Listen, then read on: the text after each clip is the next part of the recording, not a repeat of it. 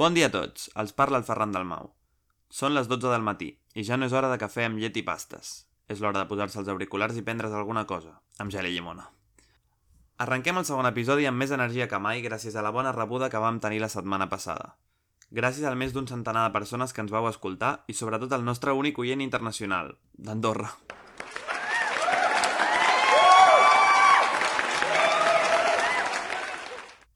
Bernat Pareja, bon dia. Bon dia, Ferran. Vull recordar que ens podeu fer arribar els vostres comentaris i propostes al mail del programa amb gelillimona.gmail.com. Us volem informar, també, que des d'aquesta setmana ens podeu trobar a Breaker, Pocketcast i Ràdio Públic i estigueu a la guait per la setmana vinent, que portarem novetats. Sense més preàmbuls, tranquil·litat i notícies. Avui ens movem 1.884 quilòmetres.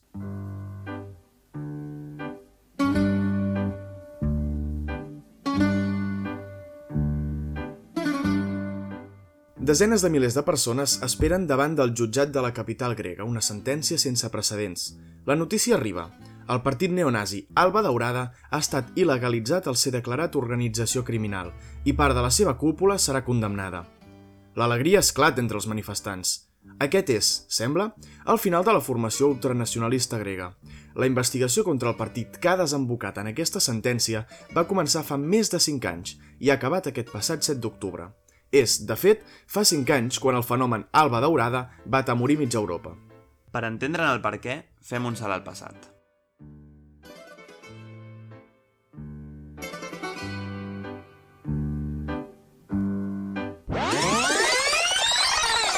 Maig del 2012. Grècia es va despertar d'una llarga nit electoral que va acabar amb la victòria de Nova Democràcia d'Antonis Samaras. Les eleccions estaven previstes pel 2013, però en plena crisi econòmica es van anticipar per implementar les mesures preses amb altres països europeus i el Fons Monetari Internacional. La sorpresa més gran de les urnes és Alba Daurada. El partit neonazi, que fins feia sis mesos recollia menys d'un 1% d'intenció de vot en els sondejos, va aconseguir sumar més de 440.000 vots, que es van traduir en 21 escons. El partit es va presentar amb unes consignes molt clares –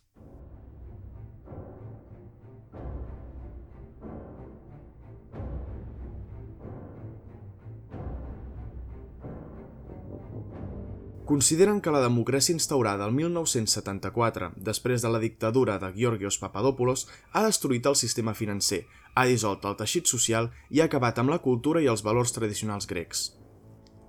Pel que fa a l'economia, creien en l'autarquia. L'autarquia és el sistema econòmic que han preferit els règims feixistes al llarg de la història. Consisteix en produir al complet tot allò que consumeixes i així no haver de dependre de cap estat de l'exterior. Per fer-ho possible, es proposaven marxar de la Unió Europea i crear una zona econòmica grega. A més, creuen que els quatre ítems bàsics per l'establiment d'aquest sistema són el menjar, la medicina, el petroli i les armes. Tot el discurs d'Alba Daurada està marcat per un clar sentiment antisemita, des de la vessant econòmica, instant a fer boicot als productes jueus, fins la vessant social i cultural. Parlen d'un estat grec real, recuperant la seva identitat, això passa per facilitar les polítiques de deportació i deixar que només els grecs puguin votar i decidir sobre el futur del país. El racisme, de fet, és present en tot el programa, ja que també es proclama que un estranger en feina és un grec a l'atur.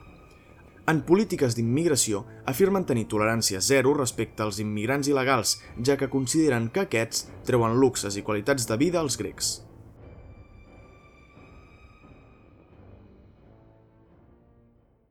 Al no poder formar govern, es van repetir les eleccions i van aconseguir 18 escons. Tres anys més tard, i lluny de perdre pistonada, van aconseguir-ne 17. El guanyador d'aquelles eleccions va ser Àlex Tsipras, que va fer història al situar el seu partit d'esquerra radical i, relativament nou, Sirisa, com a primera força al Parlament. Alba Daurada va aconseguir ser la tercera força dins la cambra grega. Estem parlant d'un partit liderat per Nikolaos Mikaloliakos, un home que es feia dir Führer i que es declara negacionista de l'Holocaust.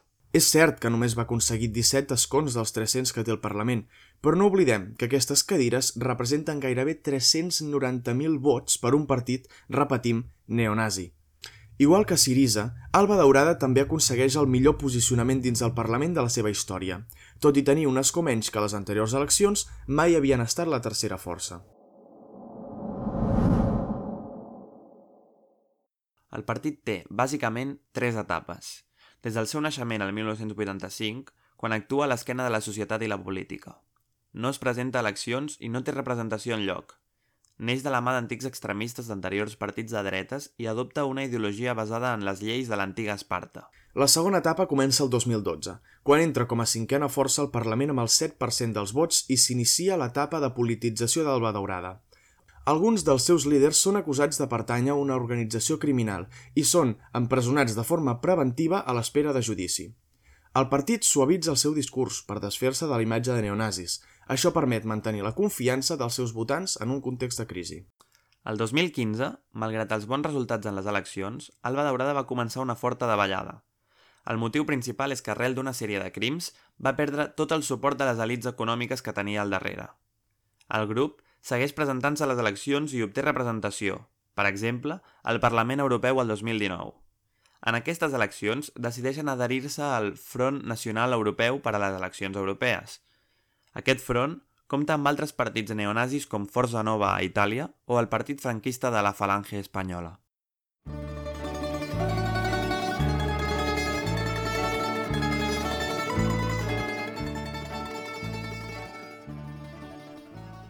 Els grecs han hagut d'esperar més de 5 anys per retenir una sentència, en un judici que va començar el juliol del 2015. Alguns periodistes locals asseguren que als carrers d'Atenes no es veia tanta expectació per una sentència des de la fi de la dictadura militar. Finalment, aquesta passada setmana, el Tribunal de Justícia grec ha declarat que Alba Daurada és una organització criminal i n'ha condemnat amb penes de presó a 57 dels 68 acusats. Entre ells es troba el seu líder, Nicolás Mikaloliakos, qui ha estat condemnat a 13 anys de presó. La majoria de les condemnes han estat per assassinat, agressió, possessió d'armes i direcció o participació en una banda criminal.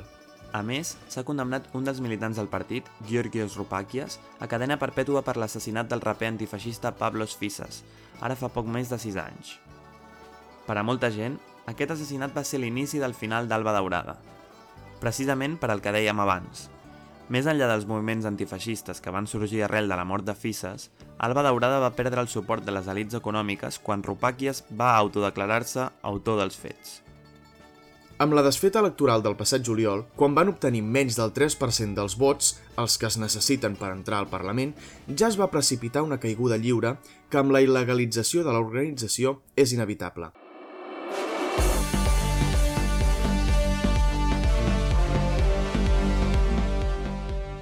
Tot i marxar de la primera línia política, la ideologia d'Alba Daurada no desapareixerà del tot.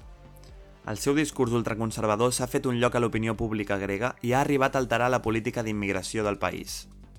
El primer ministre actual, el conservador Kyriakos Mitsotakis, ha augmentat l'hostilitat davant dels refugiats que arriben a les costes gregues. Bernat, creus que aquesta sentència acabarà amb l'ultranacionalisme grec?